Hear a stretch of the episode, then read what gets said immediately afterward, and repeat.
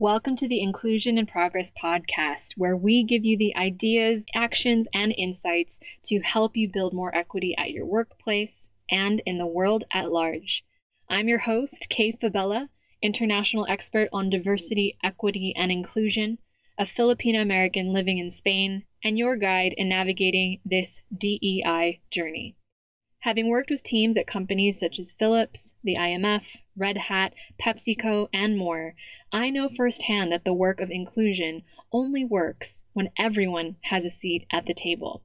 Regardless of your personal entry point into this conversation, your race, ethnicity, gender, ability, age, sexual orientation, country of origin, or educational background, we all have a role to play in creating inclusion for all.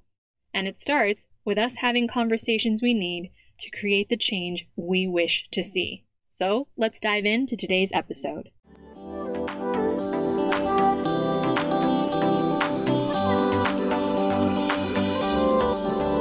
Dr. Jones is a leading voice and contributor on diversity, equity, and inclusion, and currently serves as the Chief Diversity Officer and Director of Talent Management at William Paterson University. He is also a diversity consultant, speaker, and trainer for universities, nonprofit organizations, and corporations.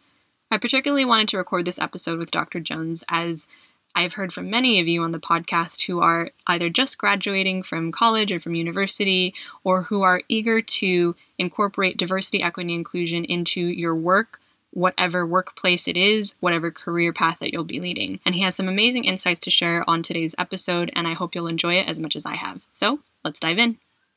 Hello, David. Welcome to the show.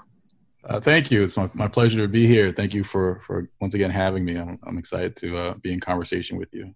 Likewise. And David, it's really great. I've been following all the amazing stuff that you're doing. And I particularly wanted to have you on the show today, especially as somebody who can give us the other aspect of recruiting that we don't really think about traditionally in corporate, or at least most conversations in DEI don't really talk about, which is talent pool that comes before you even get to recruit uh, in the first place. So I'm looking forward to diving into your amazing experience and the work, particularly that you do with minority talent uh, coming from universities, from colleges. But I'd love to first understand, as I always do on the podcast, how you got into this work and how you got started in what you do. Certainly. Once again, my name is uh, Dr. David Jones. I've been in higher education doing diversity, equity, and inclusion work for about 15 years now. I started in higher education working in student affairs, residence life, student conduct, also multicultural affairs, cultural centers, and was really gravitated to doing diversity, equity, inclusion work. As I advanced my career in all those areas, um, I always entered those spaces with an inclusion lens. Um, it wasn't until 2010 I attended a social justice training institute, and it was a week long institute, and I served as a participant. And it was really during that institute that I received transformational experience, both personally and professionally, as it relates to understanding race and racism and my own lived experiences around those areas and and its intersectionality with various other identities. Um, I got to explore a lot of my own experiences around race and racism as a, as a black man and and how that shows up in the personal and professional spaces. And it really created the sense of urgency and passion for me to want to pursue this work full time to create opportunities for people to explore their own identities and to also create organizations and environments where people could be their authentic self right? And be able to be part of inclusive organizations and organizational environments that allowed people to show up as their authentic self. And so um, it was shortly after that institute sjti in 2010 that I transitioned to a director role in multicultural affairs and also started a consulting business in diversity, equity, and inclusion, which I still run today, that focuses on creating inclusive organizational environments for corporations, higher education institutions, K through 12 sector, nonprofit organizations. And you know, I've been able to fulfill my passion and, and leverage and utilize my expertise in this area ever since. And I, I'm grateful for that Social Justice Training Institute because it really positioned me to follow my passion, follow my interests, and develop expertise in diversity, equity, and inclusion that I've been able to really share with others and, and in hopes that I create more equitable and inclusive environments with the organizations that I work with.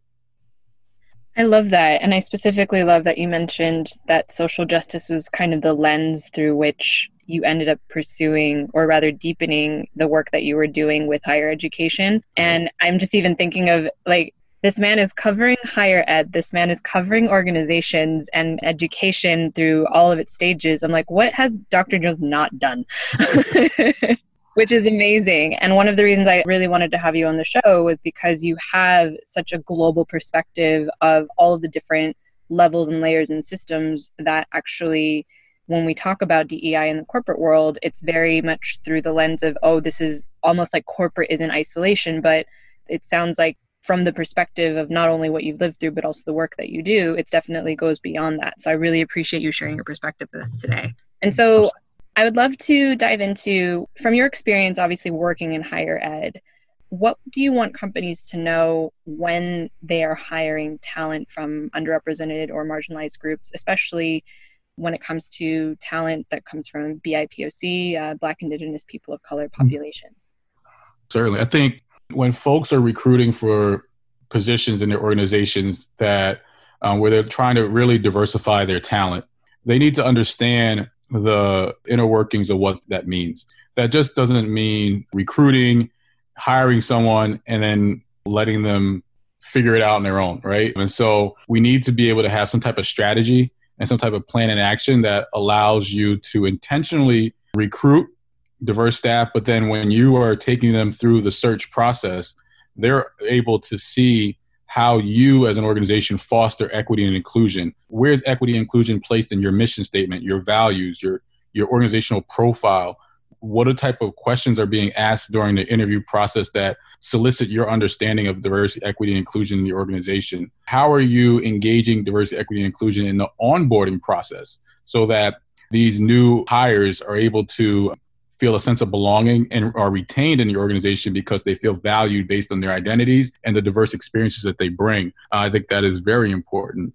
How are you working to develop the competency of your staff, of your organizational members, so that you're able to understand, address, and dismantle bias in the organizational environment? You're able to understand, address, and dismantle microaggressions and how those show up in organizations so that folks from diverse backgrounds that are coming into these organizations feel a sense of a commitment that the organization is making to better equip members of the organization with cultural competency skills. I think those are some really important strategies to employ. So it's not just about the recruitment and hiring process, but it's also about the really important and critical details around strategy and around long term engagement around diversity, equity, and inclusion as it relates to everything I've just mentioned.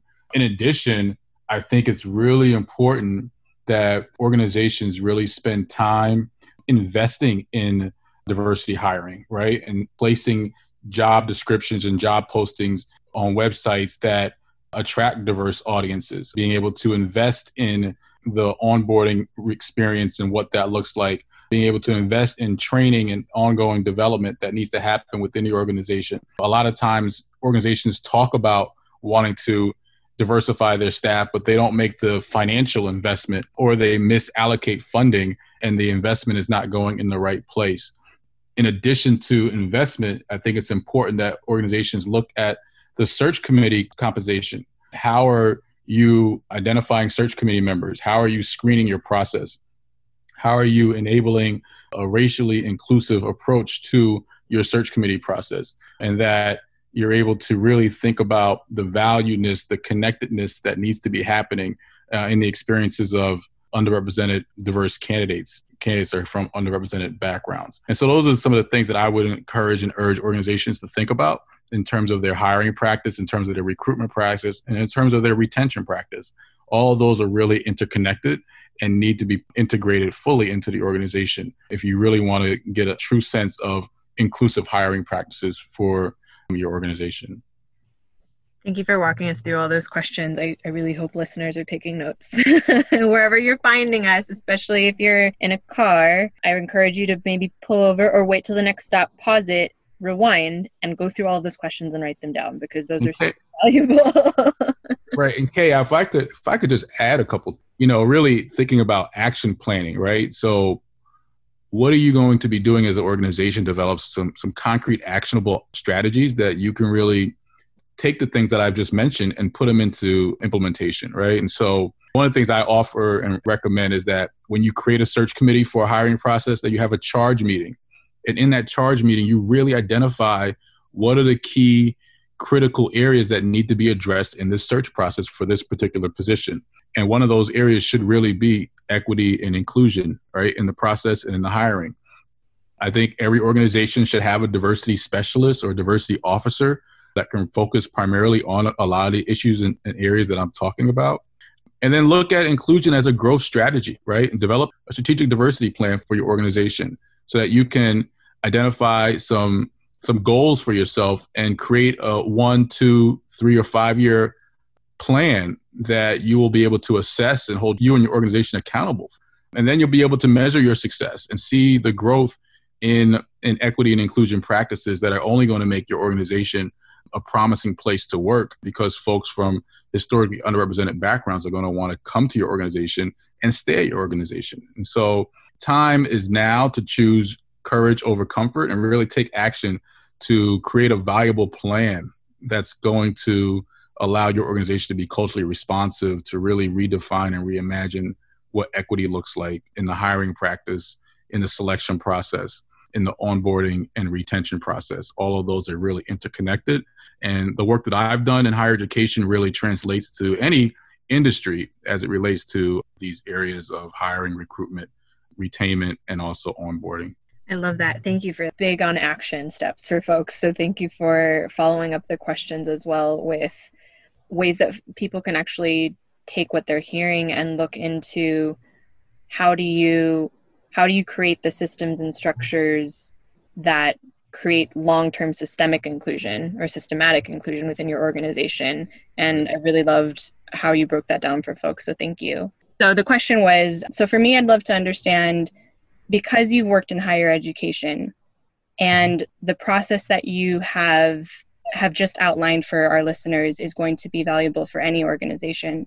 I know that you specifically working with folks in higher education or even institutions that are educating folks who are even younger from the social justice or from the sort of cultural and systemic standpoint of underrepresented groups and how even before they come into the workplace why should the conversation around recruitment start in higher education or even sooner when it comes to thinking about the talent pipeline and specifically the fact that representation or rather the diverse representation of groups that we want to have in corporations to begin with needs to start with thinking about how each of the individual groups are being catered to even before they come into into the talent recruitment process if that makes any sense. Right right. No thank you for that. I think one of the things that's important is higher education is a starting ground for career preparation. And I tell my students all the time that as you're matriculating throughout your higher education experience, you're preparing for life after college.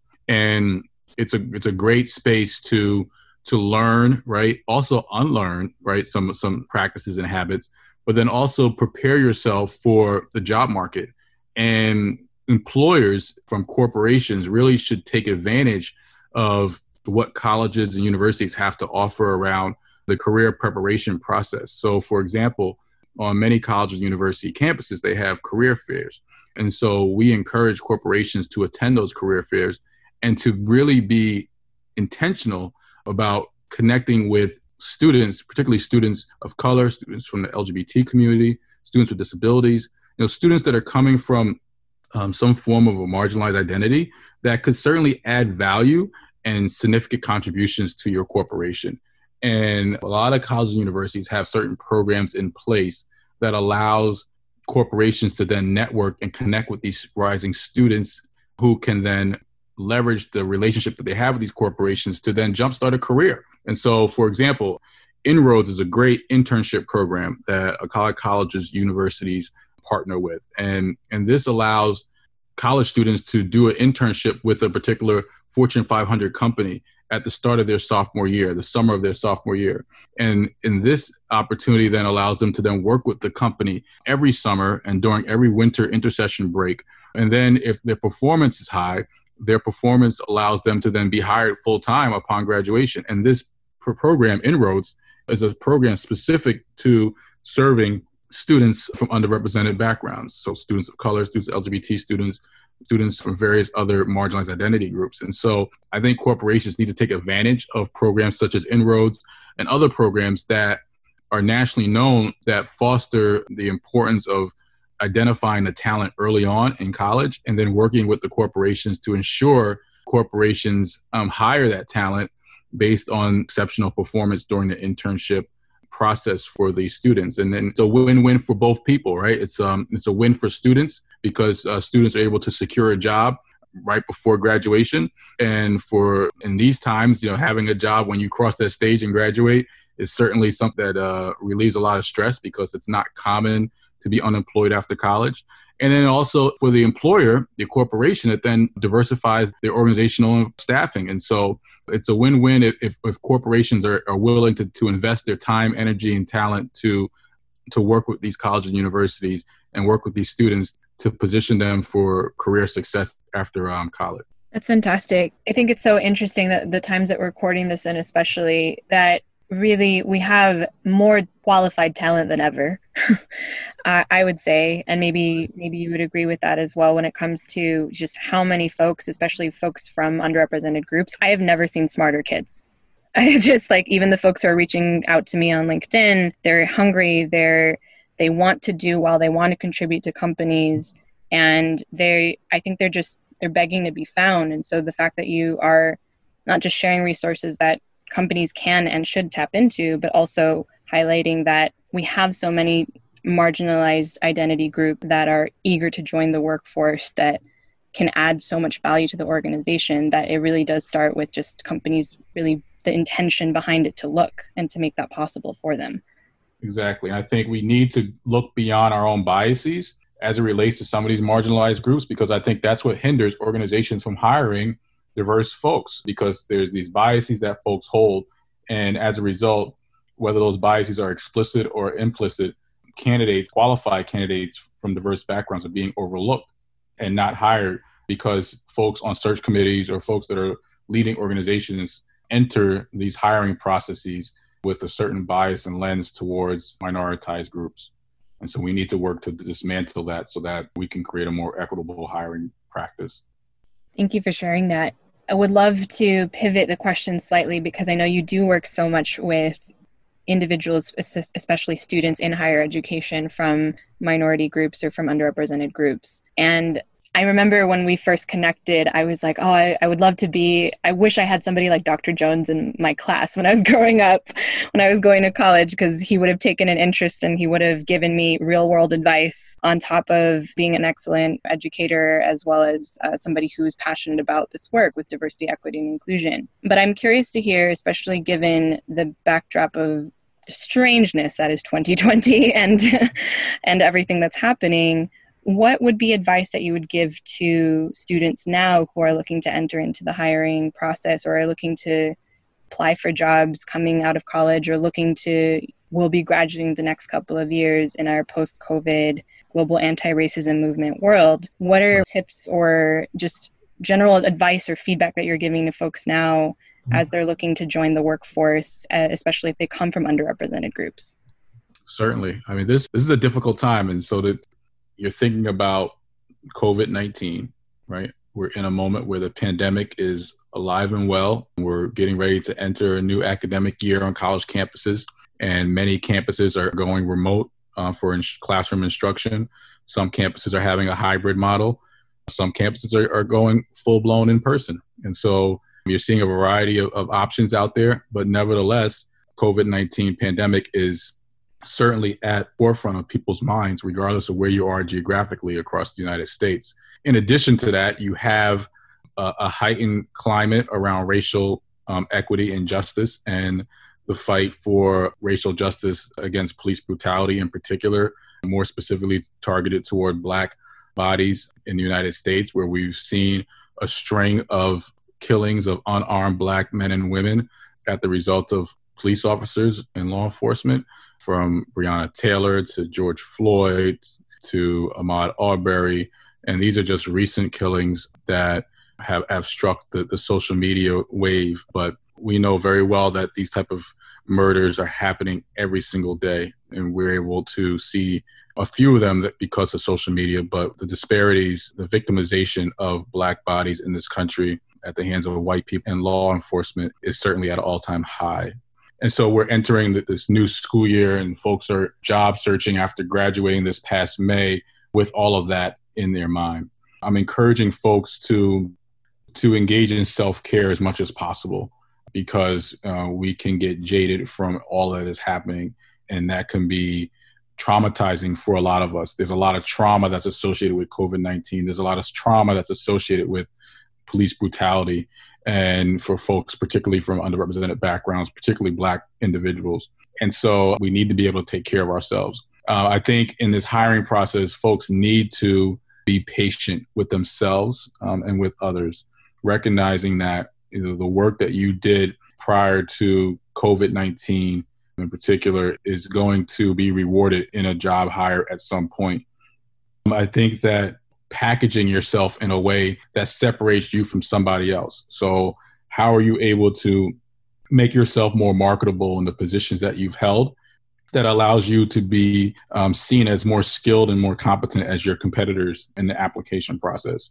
And how are you conveying that in your resume and in your cover letter. Um, your cover letter should really tell a story of your career and your academic success and to be able to help guide people and, and entice people to want to read your resume. And from there, they read your resume and they see the skills and the competencies that you've been able to acquire. And so, being able to highlight all that in your resume is very important. How can the work you've done be measured? So, sharing quantifiable outcomes based on the work that you've done is really going to help your resume stand out from others. And finding ways to network. I know it's hard because a lot of in person activities being suspended at the moment, but thinking about how do you create virtual coffee meetups with potential employers? How do you beef up your LinkedIn page so that you can be seen uh, through social media? Or how do you engage in Twitter and being able to utilize hashtags as a way to connect with certain things that are going to bring about job opportunities?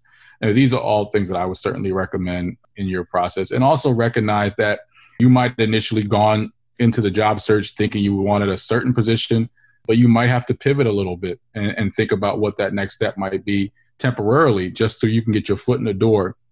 And then once the pandemic is over, because it will end, right? This is a time that we're in that won't last forever, but it, while we're in it, it's going to be painful and, and challenging. But once it's over, we'll be able to then transition into something that you might be more passionate about. So being flexible in career choice at this moment is really important. Being open to geographical location changes and opportunities that you might not have initially pursued is something I would certainly consider moving forward.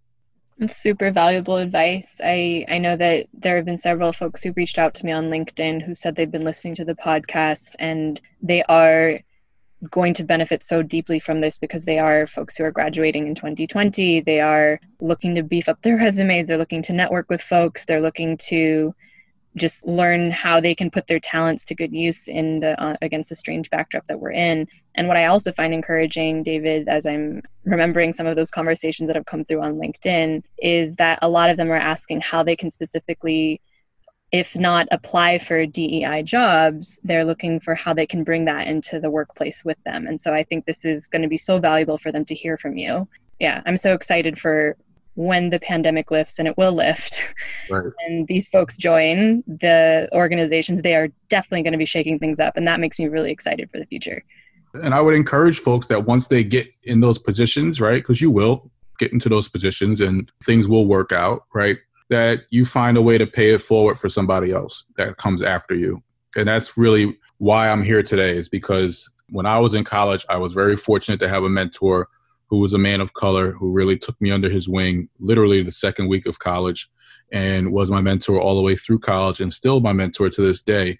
And if it wasn't for him and his instrumental leadership and mentorship, I wouldn't be where I am today. I remember so vividly at the end of my senior year in college, he I was in his office and he looked at me, he said, Okay, you're about to graduate, so what do you want to do? And I said, I, I want to impact the lives of people the way you've impacted my life. He said, Well, maybe you want to look into a career in higher education. Had some experiences on campus as a student that positioned me to do that. And so, so I decided to pursue higher education as a career. And here I am. And so I've, in every institution I've worked at, every consulting opportunity I've had where I've worked with different organizations, I try to connect with people and pay it forward and, and provide that advice and, and consultation that's going to make people better, make organizations better, and really strive for inclusive excellence in the work that we do. Inclusion should be really integrated into the fabric of our organizations and i really try to to do that by building bridges across difference and funneling synergy that allows people to connect and be their authentic self and, and a lot of that is being done because of the way i pay it forward for others just like how people pay it forward for me so make sure to keep that in mind as you all continue to prepare and begin your careers and then advance in your careers is to always think about those that are coming behind you and after you. Thank you for that. I think that's such a beautiful way for us to wrap up our conversation today. And I know you have so many pearls of wisdom to share, but for those of you, uh, for those of us who are listening to the podcast and are looking to continue to learn from you and learn more about your work, where can people find you online? Certainly. I'm definitely on LinkedIn under David E. Jones. You know, feel free to look me up there. Feel free to, to follow me on Twitter at David Earl Jones. Would love to engage with you on platform as well. Uh, and then feel free to check out my website, uh, www.davidearljones.com. I'm available for any consulting work to improve organizational climates and cultures um, and do diversity, equity, and inclusion for your organization at any point where my services can be beneficial to you and your organization. So those are the places you can find me, uh, and I'm happy to serve and and I look forward to working with many folks beyond beyond this conversation to really advance equity and inclusion in today's environment and beyond. Fantastic. Thank you, Dr. Jones. And of course, we'll be sure to include all of those links in the show notes so that you can follow David around social media to continue to engage with him in this amazing conversation. So, if you are listening to Inclusion in Progress, please be sure to tag Dr. Jones or myself on social media and let us know your favorite insights from our conversation and of course, don't forget to subscribe, rate, and review the podcast on iTunes. Every bit helps to get the message, tools, and resources shared here to the people who'd most benefit from a more inclusive world. Thanks again for tuning in, and I'll see you in next week's episode.